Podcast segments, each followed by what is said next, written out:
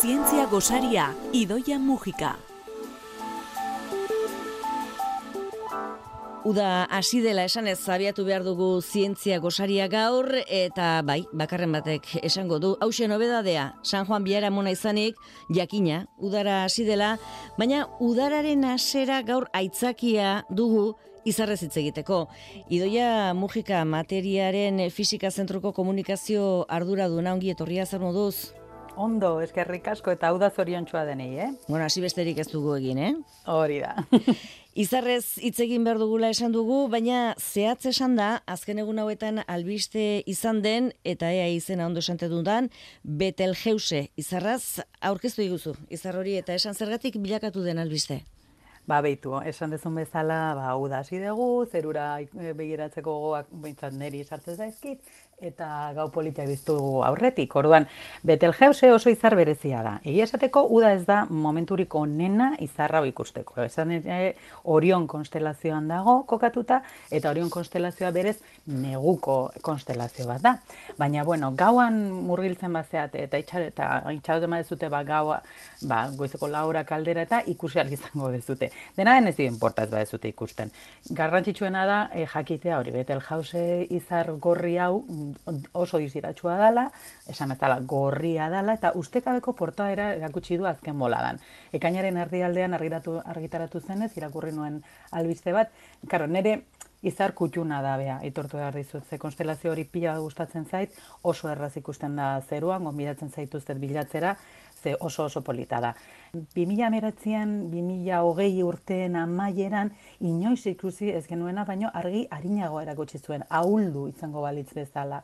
Berez diziratxu diziratsua da, erraldoi handi bat da, eta gertaera hori iluntasun handia deitu zioten, eta ez zeukaten hasieran nola azaldu ze gertatzen ari izan. Baina, Betelgeuseren dizbira ahultze hau, justu kontrako egin du orain aurtengo egun batzuetan oriongo izarrik diziratsuena izan da. Inoiz ikusi ez genuena, baino diziratsuago. E, horrek zen nahi du, ba, bueno, bi gertaera oso potente egon dirala, eta horren ondorioz, ba, astronomoak astoratu zaizkigu edo animatu zaizkigu, eta haren desagerpenaren urbiltasunez espekulatzen hasi dira.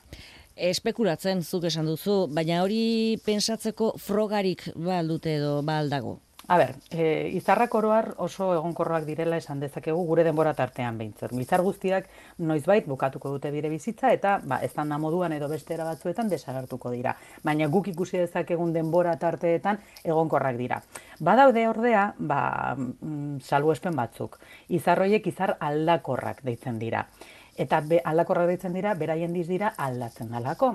Agian begi ez da oso argi ikusten, baina teleskopioekin oso argi ikusten da. Ba, bapatean, ez dut esango egun batetik bestera, baina tarte motzetan, e, diz dira aulagoa, potenteagoa, eta, eta horrela mugitzen dira. Na, ospetsuen agian, mira izeneko izarra da, eta jo, ba, David Fabricius hartzain batek e, atzeman zuen, pentsaza zuen, mila bosten da, laro gaita amaseian, izar aldakor bat zala, eta bera, nik imaginatzen dut bere ardiekin zegoela mendian, zerura begira, eta ara, ba, izar horri, esango zion ba, bere ziki atentzioa dituko zion eta konturatu zen aldakorra zala batzutan potente gozan, ba, eta beste batzutan, ba, etzan hain argia, ez? Hauei izar pultsatzaile deitzen zaie, eta erregultaz, erregulartasunez edatu egiten dira eta uzkurtu egiten dira, hau da bere volumena handitu eta txikitu egiten dute, ziklo batean sartuta bezala. Zein da Betelhausaren kasua? Ba, bueno, esan dezakegu zeruko zazpigarren izarrik dizdiratxuena dala, bueno, eguzkia kenduta beti ere, eguzkia izar bada, eta karo, ba, guretzat dizdiratxuena da, baina izar aldakorretik dizdiratxuena da, beltel jause.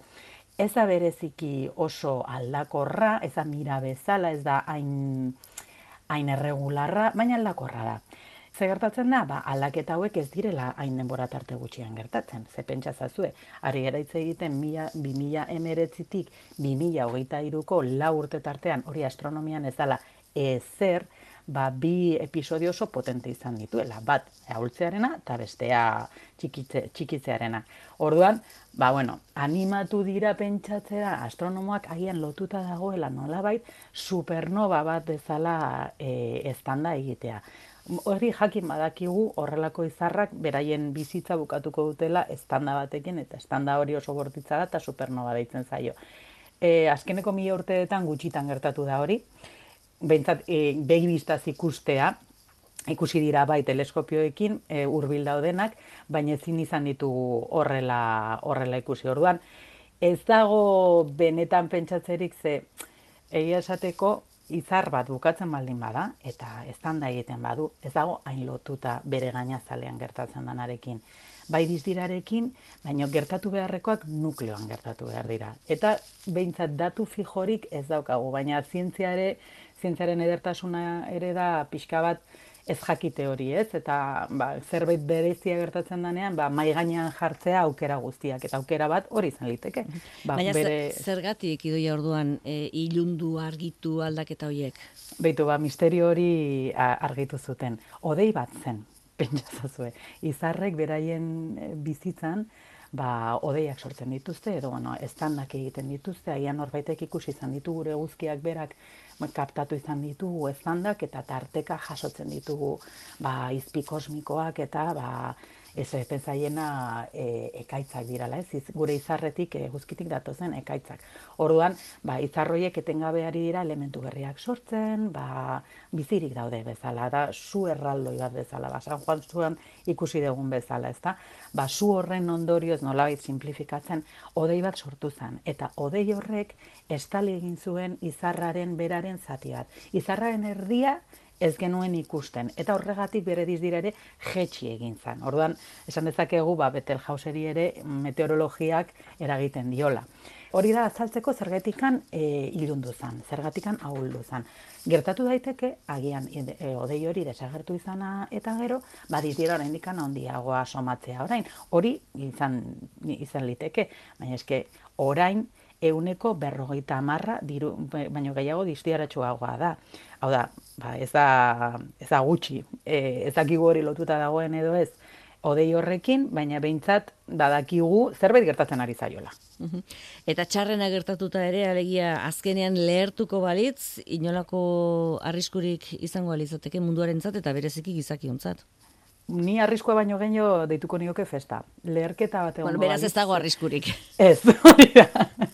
A ber, leherketa bat, a ber, inoz ez esan, baino, baino, bai, historikoki esan bezala supernova gehiago izan dira historian gaina e, liburu aintzinetikan datatuta daude, ba, fenomeno batzuk gertatzen zirala, eta bapatean izar baten dizdira pasatzen zala benetan ikusgarria izatera, ez? E, Beltel jause bezalako izar batek ez da egingo balu, lehenengo gauza gertatuko litzatekena, neutrino zaparra bat jasango genula. Horrek zer esan nahi du, bueno, neutrinoak partikula batzu dira, eta gaina hemen gure lur planeta honetan, zientzialariak hoiek harrapatu nahian dabiltza. Beraz, azteko festa, zientzialari guzti horiek oso pozik jarriko lirateke, ze neutrino zaparra da jasango genuke, eta agian ara ura harrapatzeko gai izango geinateke. E, Seireun argi urtera dago, horrek zer esan nahi du, ba oso oso oso urti dagoela. Argiak handikan onera etortzen, seireun urte tarratzen ditu, eta argia oso azkarra da. Orduan, mm, ez gaude inundik inora, ba, inungo kalterik jasateko ere muan. Bale, hori, hori jakin festa deitu diot, ze pentsa, ilargi betearen intendizitatea berarekin dizdiratuko luke. Osa, zuk imaginatu, gau, gau batean zaudela eta bapatean bi ilargi dituzula. Gure ilargia, eta eta izar bat bihurtu dana, ba, izugarrizko argi bola bat, ez? Horrek, eh, hori ikusi izango genuke, begi biztaz nola ez? Eta urte bat edo bi ikusteko moduan egongo ginateke gau eh, hainbeste hain intentsitatearekin ez, baina ikusi izango genuke puntu oso dizdiratsu bat gure zeruan. Eta hortik aurrera ja, ba, desagertuko zan betirako, ze ilunduko zan, eta ba, ez egin eta gero, bihurtzen dira enana, enana batzuk deitzen zaiena, eta bola bat bihurtzen dira, horrek ja surik ez daukana, ez? Reakzio nuklearroiek guztiz bukatu, bukatu direlako. Orduan, ba, bueno, niri pena egongo lidateke, zen ere izarrik kutxunena baina ai, ba, egia esateko ni ba naiz pixka bat ba, horren zain nagoena. Bueno, baina agurrak, agurrako paria ere karriko dizuke, ez? Hori da. inungo gaina hori esan bezala, ez, inungo e, ez duke izango guretzako inungo ondoriorik. Gertatu izan da, supernova batek adibidez, ba, gertu omen zegoena, topatu ditugu elementu radioaktiboa, konkretuki burdin radioaktiboa, topatu dugu gure lurrean eta baita ilargian ere, eta hori jakin badakigu, ba, gertu xamar irureun argi urte ingurura zegoen izar baten, ezar erraloi hauetako baten, estandaren ondorio dirala. Karo, Betelgeuse, ba, justu bikoitzera dago, ez dakit horretak, hor, zerbait iritsi izango litzaiguken edo ez.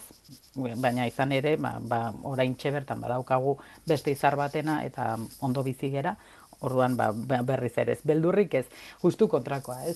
Gurizatu behatzak, haber horrelako espektakulo bat ikusi izan dugu gure, eta gure bizitzan. E, eta horrelakoa ezpada ere, idoia zerura begiratzea gau ez bai. eta mm, argi elektrikorik ezagoen toki batean hori beti da, beti da festa. Ba, mila bai. esker, gaur ere gurera urbiltzagatik eta betel jeuse hori aurkezagatik zuei eta hau da polita pasa, gale? Naio...